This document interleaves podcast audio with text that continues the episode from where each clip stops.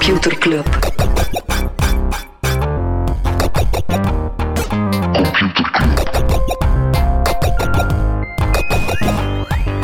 Computer Club. Hey Smally, Hey Freddy. welkom, welkom terug. Welkom. Welkom bij Computer Club, een wekelijkse podcast over technologie. Iedere aflevering selecteren Freddy en ik een interessant artikel en presenteren we een feitje. 108, eh, 176 Zot, hè? weken aan een stuk. Bijna 200. Bijna 200. Freddy, waar gaan we het eh, niet over hebben vandaag? Wel, een terugkerend thema, ja, dat is, eh, dat is ja, de, de Chinese crackdown, de Chinese overheid die het eh, techbedrijven moeilijk gaat, moeilijk maakt. En Didi, dat is zo de, de grote ridesharing app, die waren Mhm. onlangs nog naar de Amerikaanse beurs gegaan, maar ja, die gaan daar delisten, dus die gaan verdwijnen van de New York Stock Exchange en die gaan naar de beurs in Hongkong. Maar ja, intussen, sinds de IPO is de aandeel al gehalveerd. Eh, mogen al, eh, staan, daar al lang, staan daar zelf niet meer in de App Store in China, mogen geen nieuwe users aannemen. Het zou zijn uit vrees voor eh, toegang tot data over users enzovoort. Maar dus het gaat van kwaad naar erger voor. Didi. We gaan straks nog een beetje meer hebben over die Chinese bedrijven, of over China gewoon op zich. Misschien ook nog eh, aanhalen, Alibaba die schudt haar management doorheen en de CFO wordt onder andere opgevolgd. Ook Alibaba zit in de hoek waar dat de klappen vallen, omdat de Chinese regering niet zo'n tuk is op bedrijven die groeien, groeien, groeien. Ja, het is, eh, het is blijkbaar Alibaba-aandeel, denk ik, op zijn slechtste punt in vijf jaar tijd of zo. Hm? Allee, het gaat alles niet goed. En ze krijgen blijkbaar ook moeilijker en moeilijker tegen, eh, ook gewoon tegen concurrentie. Die concurrentie doet al van alles met van die eh, influencer, shopping, tv enzovoort. En Alibaba is een beetje het, ja, Je wilt dat missen. zo, ja, een beetje het klassieke e-commerce model. Alright. Ja. Krijg je eh, regulators? Regulation. Voilà. Het zat er al een tijdje aan te komen, de deal tussen Nvidia en ARM. Misschien even, eh, even opfrissen. Dus ARM die maken chipdesigns die dan door ja, eigenlijk ongeveer elke elektronica-producent dan gebruikt worden. En Nvidia, die zelf ook eh, grafische kaarten en chips Mhm. maakt, die hebben die overgekocht. En dan was er natuurlijk heel wat vrees voor, ja, is dat dan niet, ja, is dat, is dat, gaat dat niet machtverstorend zijn? En effectief, in, de, in Amerika is de FTC, dat is eh, de Trade Commission, Ja. eh, die is nu een aanklacht begonnen. Eh, dus, ja, dus die deal was eh, eigenlijk al meer dan een jaar geleden aangekondigd voor 40 miljard. Eh, was ook al in de UK op pauze gezet.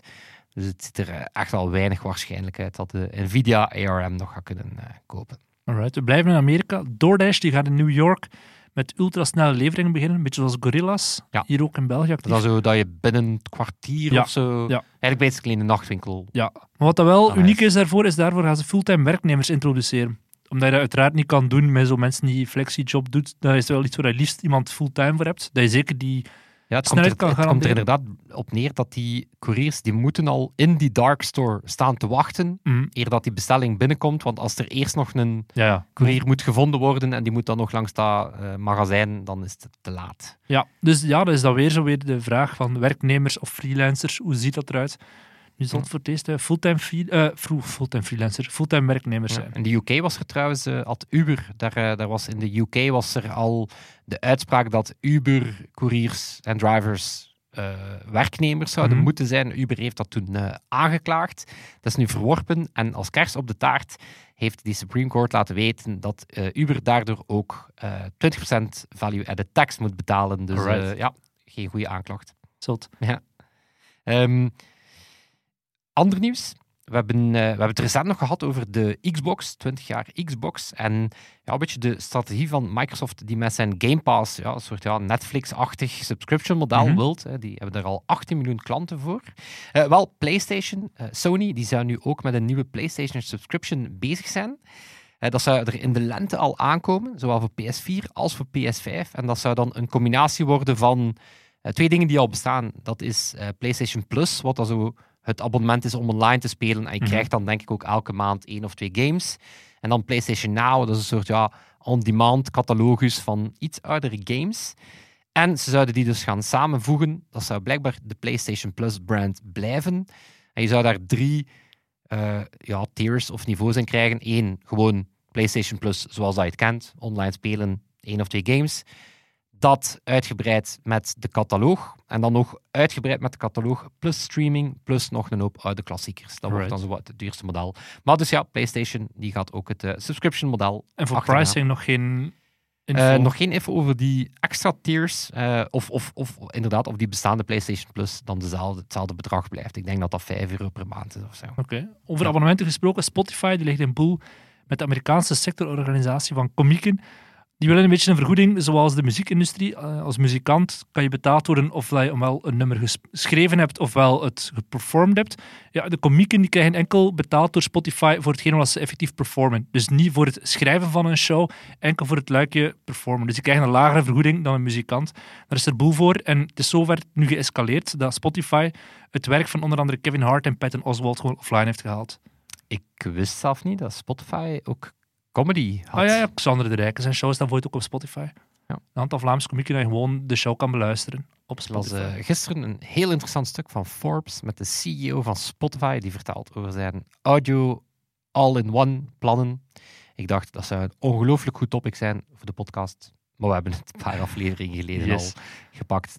En daar door een andere aanleiding. Freddy, zijn er nog dingen dat we nu niet bespreken? Ongetwijfeld. Oké, We gaan ze sparen. voor? De nieuwsbrief. Alright. Nieuwsbrief.computerclub.online. Top. Ja, top, top, top, top. En die top, verschijnt iedere donderdag. Dus eh, verschijnt iedere abonneer maar daar. Voilà. Zeg Smolly, ik had... ehm, Een interessante podcast gehoord. Wel, nee, ik, ik ging zeggen, ik had bijna een stuk genomen over Spotify Wrapped. Hè, zo het eh Ja. Jaaroverzicht van vergeten. Spotify. Hè, over Freddy, we zijn eens vergeten. Wat zijn we De vergeten? NFT van de week. Oeh, ja, ja, even terug, even terug, even terug. Wacht, voordat we erin duiken, eh, er is weer een bullshit NFT opgedoken en dat gaat om ongetwijfeld een bullshit NFT opgedoken. Ja. De eerste levende NFT, dus eh, code geïnjecteerd in het DNA van een bacteriecel. Wat hebben ze gedaan? Een Amerikaans productiehuis heeft de handtekening van de oprichter van Star Trek, Gene Roddenberry, verewigd in NFT-vorm op een blockchain-netwerk. Vervolgens werd de code van de NFT in de DNA-structuur van een levende bacteriecel geïnjecteerd. En zo is het de eerste levende NFT ter wereld. Echt, who cares en wie houdt hem daarmee bezig? Ik denk aan dit tempo wordt er volgende week een NFT geïnjecteerd in een baby die dan Ja. door Elon Musk of Jeff Bezos naar de ruimte wordt gestuurd. Dat is eh, een soort Absoluut. convergentie van alle, Ja, van alle actua van de afgelopen weken. oké, maar nu dat we dit stukje bullshit NFT achter de rug hebben, kunnen we weer duiken. Hey, artikel, Ja, verder, voilà. Freddy. Maar dus ik, had, dus ik had het kunnen hebben over Spotify Wrapped. Ja, Mhm. Wat een zot fenomeen dat dat wel niet is. En hoe dat blijkbaar het idee is van een stagiair die daar nooit credit voor kreeg. Bom, bom, Hola. bom, bom. Maar ik ga het niet doen, want ja, we worden al rond de oren geslaan met die visuals. Dus we moeten het ook niet in uw oren eh, gaan duwen. Nee, we waren eh, vorige week te gast in Gamecast. Mhm. Dat is een, ja, een, eh, een, een, een podcast over gaming. En we zitten ook op YouTube. En dat zijn ook mannen eh, die streamen. Eh, en daar hebben we, ja, door, door wat met die boys te spreken, wel nogmaals ontdekt dat dat echt wel hard werken is. Als je denkt van een wekelijks podcast opnemen om je publiek op te bouwen enzovoort, dan is streamen ja, Mhm. dagelijks werken voor inderdaad gewoon heel geleidelijk aan je publiek op te bouwen. Wel, ik, eh, ik las ook een stuk van de Washington Post. Eh, en die hebben een streamer gevolgd, als blijkbaar de, de top 15 streamer of zo, of de, de 15e best verdienende streamer op Twitch. Dus een man die intussen al miljoenen daarmee verdiend heeft. En dan anderzijds ook een stuk eh, waarbij dat we meer te weten komen over comfort creators. Dat is een speciaal soort streamer. Maar misschien ja, het, het stuk van de Washington Post en ja, het feit dat de Washington Post een stuk schrijft over streamers, heeft ook een zeer ho- hoog how do you do, fellow Mhm, cool kids mhm. gehalte. Of het feit dat wij hier in een podcast gaan vertellen over streaming is natuurlijk ongelooflijk meta. De Open zelf is Twitch TV en Ja. je, leert er meer te weten komen. Maar dus die Washington Post die volgt ja, zeker Tyler Steinkamp, LOL Tyler One. Ze dude speelt League of Legends. Vijftiende grootste streamer op Twitch. Ehm, maar ja, het is wel echt zot om eens te merken van oké, wat, wat komt daar allemaal bij kijken? Ehm, bijvoorbeeld het harde werk. Die dude, hè, die, die, die, die Tyler, streamt elke dag 10 uur. Wat ongeveer neerkomt op 50 uur per week. Dat is echt dat die- belspel-tv. ja, ja, dus dat is, dat is echt gewoon, dat is, dat is brutal. Eh, bijvoorbeeld in, zijn, eh, in een quotum dat hij in zijn laatste sponsorship deal heeft, ehm, dat is 200 uur per maand. Dus die druk komt er vanuit sponsors, maar die druk komt er ook vanuit kijkers. Hè. Dus het moment dat hij is niet op de afspraak is, dan, ja, dan krijgt hij meteen allerhande hateberichten van Mm. dude, where are you? Ehm, krijgt er ongeveer 280 chatberichten per minuut te werken. Hè, want wat die streamers dan doen, ik ben dan hier weer zo heerlijk eh, boomer aan het uitleggen, hè, maar dan ben je spel aan het spelen enzovoort. Maar tegelijkertijd heb je ja, die chat op Twitch die constant in je face verschijnt. Ehm, en die doet dat dan ongeveer voor 30.000 simultane kijkers. Dus die, die Tyler heeft ongeveer 5 miljoen volgers, hè, waarvan dat hij dan in elke stream dat er ongeveer 30.000 tegelijkertijd aan het, eh, aan het kijken zijn. Wat schuift dat? Hmm. 30.000 die live kijken. Ja, dus die heeft een, een, een, viewership van 5 miljoen, waar dat er ongeveer Ah ja, wow. 30.000 simultaan aan het kijken zijn. Ja, wat, wat schuift dat? Een half miljoen per maand? Mm, iets, zal, iets zal iets minder zijn, maar het zit wel in die grootte. Dus bijvoorbeeld, eh, om het, eh, om het krijgt, enerzijds krijgt hij eh, ongeveer 200.000 ehm, binnen aan Twitch ads en subscriptions. Wordt ook gesponsord en dan hebben we ook sponsorship deals. Doritos, Nike is ook lid van een e-sports team. Krijgt ook donaties, verdient 300.000 dollar per jaar aan merch. Is ook niet verkeerd. Ehm, maar ik kan het eh, ook specifiek vertellen hoeveel dat hij echt verdiend heeft op Twitch. Want recent was er de Twitch-hack. Oh, Herinner je dat nog? ja, ja. Ja, dus eh, Twitch, ja, eigenlijk alle data van Twitch was gelekt. Waaronder ook ja, alles wat ze uitbetaald hadden aan hun eh, creators. En eh, dan blijkt dat Tyler ja, sinds zomer 2019, wat ongeveer twee jaar is, laten we ons twee jaar zeggen, eh 2,5 miljoen dollar verdiend heeft. Dus enkel aan Twitch. Hè, dus los van zijn sponsorship en zijn... ehm, dus oké, dat, is, dat is geen klein geld, hè, Mhm. maar eh, voor zo hard te werken. Maar om dat eens in context te spreken, wat is er uit die Twitch-hack gebleken? Je hebt 7 miljoen streamers op Twitch. Dus 7 miljoen die het effectief ook Mhm. streamen. Dus het zijn natuurlijk veel meer, ehm, Kijkers. veel meer kijkers. Hè, als je dat een beetje in context wil zien. Ehm, Twitch is echt wel geëxplodeerd. Hè. Bijvoorbeeld tussen 2019 en 2020 eh, 67% meer eh, kijkers. Eh, wanneer kwam op eh, Twitch die in 2020 de kaap van een biljoen of een trillion kijkminuten per jaar had. Ge, hè. Dus dat gaat over heel veel mensen die kijken, maar 7 miljoen mensen die streamen. Maar slechts 3000 daarvan, wat 0,1% is, die verdient daar meer mee dan het modale inkomen van een Amerikaan, Ja. wat 67.000 dollar is. Dus dan zie je dat het, Mhm. het is wel echt de, de, de very select few die daar ook maar een normaal loon mee kunnen verdienen. Dus ja, het overgrote deel van al die Twitch-streamers verdienen niks. Ja. Die, zitten heel vaak voor lege chatrooms te streamen Ja. enzovoort. Ehm, Zoals zo de TikTok lives om 7 uur s morgens met vier mensen die kijken. Maar je zit niet op TikTok, maar dat is echt tijd. Ja, Ja, voilà, dus, eh, ja, inderdaad, heel vergelijkbaar. Eh, maar dus die Tyler, wel echt een self-made dude, is, eh, ja, is, is gestopt met zijn studies, want dat, dat doen ze dan. Hè. Maar dus die is gestopt met zijn studies op het moment dat hij 50 dollar per week verdiende bij Twitch. Oei, ambitieus. Waarop dat hij zei van, als ik, eh, als ik mij beperk tot rijst en patatten voor 10 dollar in de week, Ja. dan lukt het. Dus Man naar mijn hart. Voilà, maar is intussen, eh, intussen ehm, ja, schat hij zelf de afgelopen jaren 5 miljoen dollar verdiend te hebben. Nu, Mhm. waarom die schatting is wel interessant, is die scene wordt ook professioneler. Hij heeft een agent, wordt gecontacteerd door brand consultants eh, van, van merken die willen adverteren. Dus Gen Z willen bereiken. ja, maar waar dat hij eigenlijk niet in ondersteund wordt, is ehm, ja, qua personal finance management. eh, Mhm. Niet echt een boekhouder, om het zo te zeggen. eh, ja. Ehm, maar ook heel weinig personal support. Eigenlijk, ja, die, ehm, en dan merk je dat artikel, ehm, ja, merk je dat die Tyler er, ja, dat die heel dunnetjes begint te, begint te zitten. Hè. De, de burn-out dreigt om de hoek. Hè. Twitch is zelf, zelf met eh, creator burn-out workshops begonnen. Maar ja, het publiek wil jou zien, wil die Dance, frequentie. dance. Ja. Dus dan ja, het advies van, weet je, pak af en toe een keer een pauze. ja, nee, dat, zo Voilà. het niet. Hè. Monkey Dance. Ehm, het legt enorm veel druk. Dus hij zegt, ja, ergens besef ik dat er, dat er jongeren opgroeien die mij elke dag tien uur bezig zien. Dus een beetje de druk van, Mhm. van, van een soort rolmodel te zijn, zijn. Je hebt ook geen verzekering, er is ook geen alternatief. Hè. Als je even een ziekte ziek valt, of zijn stem. Hè. Vroeger zei hij, ik liet mijn stem vroeger wel rusten. Nu ja, probeer ik daar zo in het weekend één dag pauze voor te pakken. Ehm, hij zegt zelf van, het voelt bijna als een verslaving. Hè. Zo van, het is iets dat, dat, dat, dat ik zelf moet doen. Die moet eten tijdens reclameblokken. Ja, dus als er eens een, Ja, ja, een absoluut. blok van een sponsor komt, dan slurpt hij snel, eh, snel wat eten binnen. Heeft geen echte vrienden meer. Hè. Mhm. Dus zegt hij op mijn ouders en mijn vriendin, nou, niet dat er iemand nog bij mij thuis komt.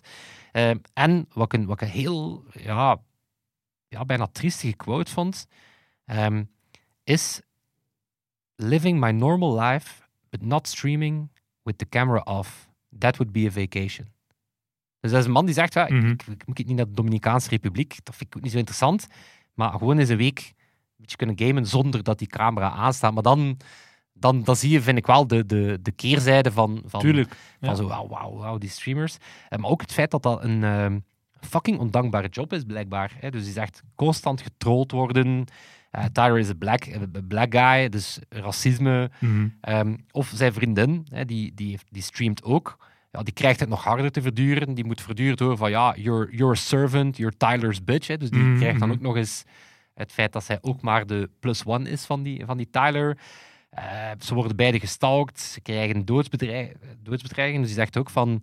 ehm, er is ook het genre van eh, watching to hate you. Dus Tuurlijk. echt van, Ja, ja. die, van die hate-watchers die, die, die gewoon kijken... eh, of bijvoorbeeld, ze zijn ook alle twee al geswat geweest. Ola. Ja, swatting is hè, wanneer dat er ehm, ja, iemand een, naar de politie stuurt van ja, dat is, zit daar een terrorist of eh, Mhm. weet je, dus die, die zijn beide, ja, dat is, ook, dat is ook niet de eerste keer zijn dat er de daarbij dat live op een livestream de politie binnenvalt. Voilà, dat is inderdaad swatting.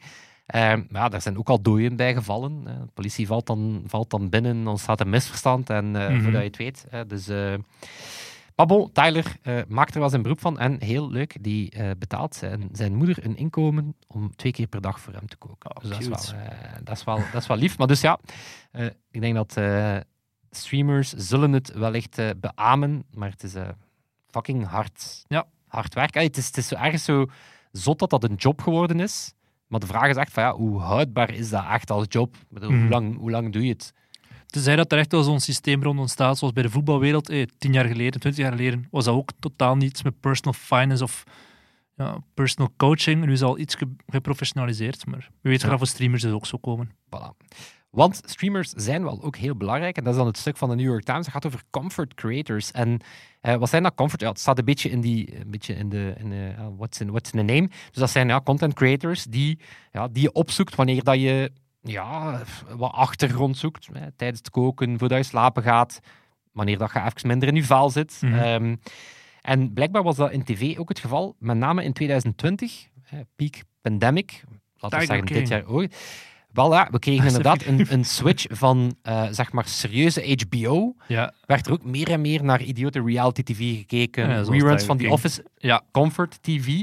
Eh, wel, voor jongeren, eh, voor jongere generaties, ja, die hebben sowieso minder band met tv. Dus voor hen zijn creators net dat, Mhm. dat intieme.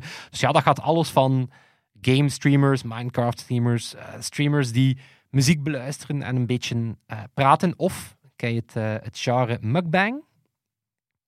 Wow, ja het woord zijn me iets, maar zeg maar ja. Eh, het is wel blijkbaar een mashup van het Koreaanse woord let's eat, mukja, en bro- broadcasting, bangsong. Dus het is eigenlijk ehm, mensen die eten voor de camera. Ja, en dan kun je Dat als je een alleen thuis bent, gewoon samen met iemand anders eten. Ja, behalve dat een van de bekendste, dat is dan een, eh, een cassante eh, Amerikaanse vrouw die, eh, ja, die, die lobster eet met een bak botersaus. Dus het is zo minder de vibe van we zitten samen een, een, we zitten samen een, een, een, een, pastatje te eten, dat wel gewoon bijna een soort entertainment. gross ASMR. Ja, ja. eh, ja, Ik ken van die, van die ehm, speed... eh wat hebben zijn naam nu ver- vergeten? Matt Stoney, die bekijk ik vaak. Dat is zo die gewoon 20 hamburgers binnen, Voilà. binnen, Voilà, maar dus het is, blijkbaar een genre, ja. comfort, eh, comfort creators. En ehm, net daarom dat die mentale gezondheid van die streamers zelf zo belangrijk is, want het creëert enorm veel mentale gezondheid voor hun volgers. Hè, zo Mhm. Het herkenbare, zo'n beetje de safety eh, Ja. blanket.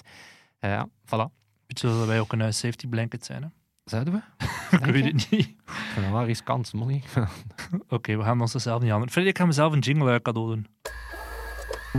computerklas, Yes, wel voor mensen die alleen eten en praten met iemand die eh mukbang zit te doen, als we het dan zo kunnen omschrijven. Ik heb drie toffe onderzoeken over Tinder gevonden.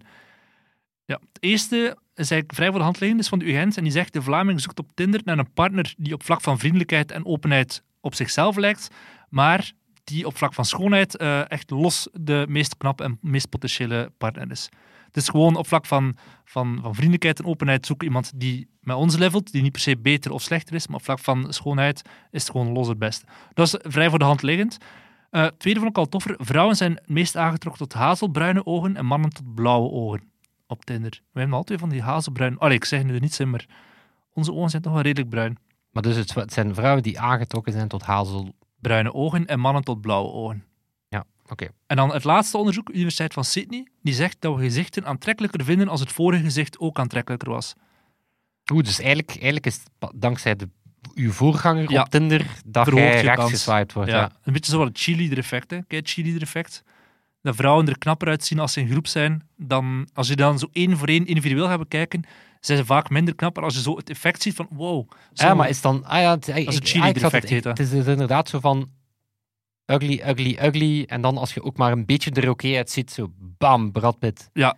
Oké, ah, ik dacht dat het weer was van nice, nicer, nice. Snapte ze dat zo in opbouwend, in een crescendo ging? Ja, Want het is eigenlijk gewoon zo, eigenlijk zei hij gewoon een beetje de, de parel onder de zwijnen dan Ja, eigenlijk. nee. Ja. maar het cheerleader-effect is dus inderdaad, als je een groep vrouwen ziet, lijken die op deze zicht allemaal knapper dan als ze, moest je ze individueel bekijken. Ah, voor mannen geldt dat ook waarschijnlijk. Maar Wat altijd zo de, het gewoon een cheerleader effect. Tinder zat, wat altijd zo de, wat zo de meest verontrustende is, is mensen die enkel groepsfoto's Ja, over wie gaat En dan, het allee, om, om echt vrij groot te zijn, zo allemaal groepsfoto's. En zo na vier groepsfoto's weten nog altijd niet over wie gaat het? over wie ging het nu. Ja, dan zeg uh-oh. Dat is zo proberen meester van dat cheerleader-effect, hè, ja. Oké. Alright. Ik vond dat niet zo'n. Ah, ik dacht dat zo'n weetje ging zijn van zo... 78% van de man staat erop, ofwel in een gym, ofwel met een, met een tijger vis. erbij. Met een vis. Ja, er is de poorter van die karpervissen. eh Eh. Amai, moest Dries de Poorter op Tinder zitten, dat zou nogal een profiel zijn. ja, maar Altijd, ik heb altijd gedacht van, ofwel... Allee, altijd gedacht... Ik, ik, ja, ik heb eigenlijk mijn vriendin op Tinder ontmoet. Dus bedoel, het was eigenlijk niks mis met mijn Tinder-profiel. Maar op een gegeven moment was ik, was ik Tinder zodanig beu dat ik dacht, ik ga hier gewoon kijken... Wat zou er gebeuren? Moest ik een PowerPoint-presentatie Mhm. instellen als, als Tinder-profiel? Of wat zou er gebeuren? Moest ik zo'n Joepie-fotostrip... ja. Zo, waarom belt zij niet? Weet je. Ja. Dan, dan dacht ik van, ja, daar, daar moet toch... Of dat ik zo een keer gewoon mijn paard, mijn ironische liefde voor paarden, zodat ik een soort Oh ja, een maar paardenwijfje, maar dan je verkeerde vrouwen aantrekken, Freddy. Ja, paardenwijfjes, hè, obviously. Is dat je type? Denk ik niet. Nee, inderdaad. Top. Freddy, we gaan het, ik zei het net in de intro we gaan het weer hebben over China. En eigenlijk dan over een onderwerp dat we volgend jaar het echt meer over gaan hebben dan nu. Het is wel een tease van, dit is nu. Maar je bent al zoveel over. China gehad en volgend Ja. jaar gaan we nog meer over China. En Wel, maar het gaat over eh, twee hot topics van de voorbije jaren die eigenlijk samen voor vuurwerk zorgen. Dat zijn Tesla en China. En dat zijn twee giganten die elkaar tot nu toe eh, elk om een eigen reden nodig hebben, maar dat gaat tot vuurwerk leiden de komende maanden en jaren. China die wil logischerwijze Tesla gebruiken om eh, innovatief en, en gewoon een economische grootmacht te worden. Vanuit de filosofie van ja, Tesla die kan zeer goed zijn voor ons lokale ecosysteem. Als we Tesla hier binnenhalen, dan gaat de impact hebben op de hele markt. Een beetje zoals dat ze in de tijd met Apple dat ook hebben gedaan. Van ja, je mag binnenkomen in Apple. ja, omdat het, er ontstaat dan een heel ecosysteem Ja, rond van van, leveranciers leveranciers en- en, en- R&D. En, ja. En die leveranciers worden op, op een duur dan ook gewoon zelf grootmachten, zoals Foxconn van Apple. Want dat zie je nu in Tesla heeft dus een fabriek geopend in Shanghai, ah, een paar jaar geleden. En nu 90% van de materialen in die fabriek worden al gemaakt in de buurt daarvan. Vroeger was het allemaal ingevoerd in het begin, nu is het al allemaal vandaar. En op termijn, heel kort, binnenkort, ik denk volgend jaar al, willen ze naar 100% gaan. Dus dat alles gewoon in China wordt gefabriceerd van de onderdelen die voor Tesla's gebruikt worden. En Tesla andersom, die wil China vooral kunnen gebruiken om productie te kunnen schalen. Hè. Dat is een afzetmarkt, maar ook gewoon om, ik denk dat de Tesla Model Y eh, in China, eh, die in Europa verkocht wordt, dat die in China geproduceerd wordt.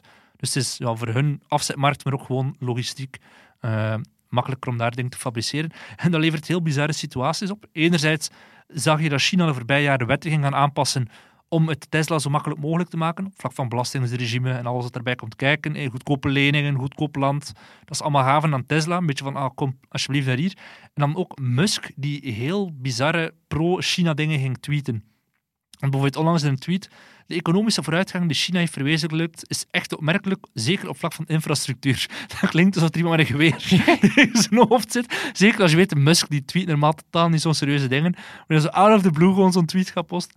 En ook zo heel, ik heb echt veel video's gezien van, van Musk die zo de Chinese regering zit op te hevelen. Dat je denkt, je ziet hem gewoon dingen aflezen van, van het scherm. Zeer, zeer bizar. Maar het heeft wel effect, want de helft van de Tesla's die wordt nu al in China gemaakt. Het probleem is, de Chinese regering die begint eh, strenger te worden op bedrijven, maar ook gewoon Chinese rivalen van Tesla, die beginnen een beetje bij beetje meer pist te worden. En ehm, Jawel, want dat lijkt me nu een keer de, de classic China play is eerst Tesla binnenhalen Mhm. enzovoort. En dan Tesla rippen, Ja. alle IP stelen Ja. en, we zitten nu- eigen bedrijf oversubsidiëren Ja. ze... Vandaar dat ik zeg, we zitten op zo'n kantelpunt en dat gaat ontploffen de komende maanden of jaren. Eh, je ziet nu aan alles dat er, dat, dat, dat, momentum daar is. Ehm, er is bijvoorbeeld een aantal Chinese start-ups die zeer groot zijn kunnen worden de voorbije maanden en jaren dankzij Tesla. Bijvoorbeeld NIO Inc., Li Auto en Xpeng, die gingen op drie jaar tijd van eh 12.000 verkochte wagens samen naar 270.000 verkochte wagens, dus dat is maal 20. En eh, ja, die markt is gewoon verdubbeld. Het probleem is dat bijvoorbeeld de overheid die legt regels op. Van je moet als autofabrikant minstens zoveel elektrische wagens fabriceren. En haal je dat, dat niet, dan moet je credits kopen van een bedrijf die dat wel kan. Een beetje zoals met die klimaat, eh, CO2-uitstoot. Waardoor Tesla is nog altijd die gigant en die kunnen daarvan profiteren. Dus die kleine Chinese spelers die moeten betalen aan Tesla, omdat ze die limieten niet kunnen halen. Tesla die heeft nu een marktaandeel van 15% in China. Oh. 15%. Want het wordt verwacht dat dat binnen zeven jaar gaat terugvallen aan de helft ervan. En heb je op hoeveel dat China uitmaakt van het totale aandeel van Tesla? Eh, Van hoeveel Tesla's ja, ik denk ongeveer er een, in China? een, een derde of een vierde Ja. qua aantal ver- verkochte Ik denk wagens. dat het ooit eens in een nieuwsbrief vermeld hadden. Hè? Echt, dat inderdaad, het is veel. Ja, Dus ja, het is zeer Tesla veel. heeft eh, veel te verliezen in, eh, in China. Oh, wel, ik denk niet, niet per se verliezen, maar gewoon minder te winnen dan hij zou denken. Want ja, terugvallen van 15% naar 7%. Als de markt ondertussen bal 20 gaat, is er nog altijd meer wagens dan dat nu vandaag de dag is. Maar je merkt gewoon, die bedrijven die beginnen pist te worden, die lokale Chinese bedrijven, en die gaan de regels gaan gebruiken dat de Chinese overheid uitwerkt om Tesla te kloten. En dan de belangrijkste is op vlak van data. Dus Tesla die moet nu alle data van lokale klanten binnen China houden. En als ze een software-update willen doen van Chinese auto's, moeten ze toestemming vragen aan de regering. Of dat dat mag. Want Dat is gewoon ja, waanzin. Is. Dus je begint aan alles te voelen van, ja, er is, het is een in beetje het begin. elke andere wereld zou Elon Musk Oh, mega daar zijn. vrij terecht over zitten rage tweeten. Tuurlijk, absoluut. Maar in China, en zeg- ik zeg, die video's dat je ziet, dat is echt zo bizar. Je ziet hem naar het scherm kijken, zo de Chinese regering een beetje ophemelen. Maar omdat dat zo'n belangrijk afzetmarkt is. Maar je voelt, Dat is- je voelt dat het het begin van het einde gaat worden. Dat is gelijk dat wij voor elke computerclub-episode ook toestemming moeten vragen in China om die te mogen publiceren. We hebben dat formulier nog niet gevonden, dus tot op heden zijn we eigenlijk Mhm. niet in China. Wat eh, ja, jammer is voor ons marktaandeel Ja, daar. Maar dat is ook weer een beetje dat, dat splinternet. Hè. Je zal dus enerzijds in China zal een Tesla anders zijn dan in de rest van de wereld, omdat ze daar minder met data kunnen gaan verwerken, et cetera. Dus waarschijnlijk, ja, hoeveel data heb je wel niet nodig om een zelfrijdende wagen te maken? Superveel.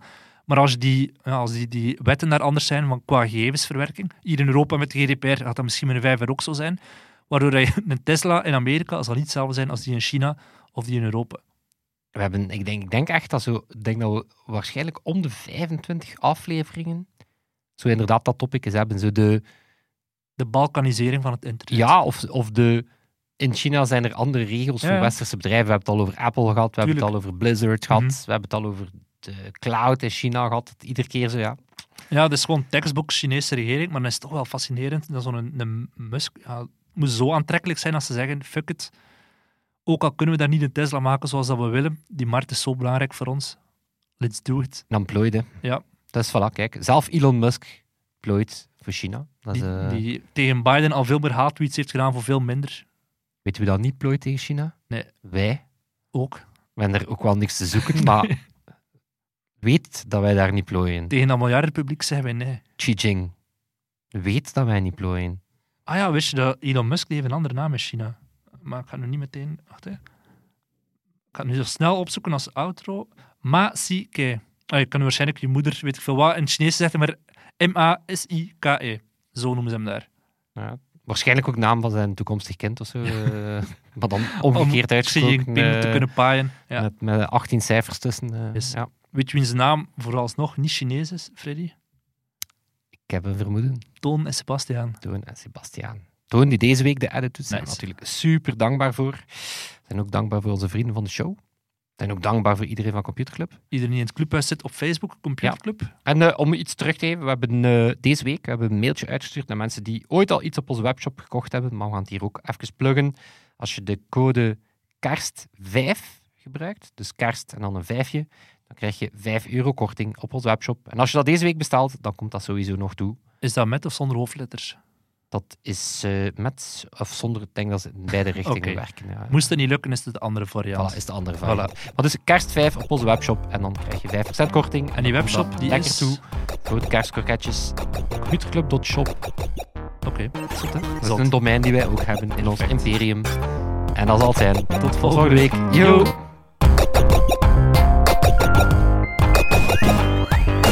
Computer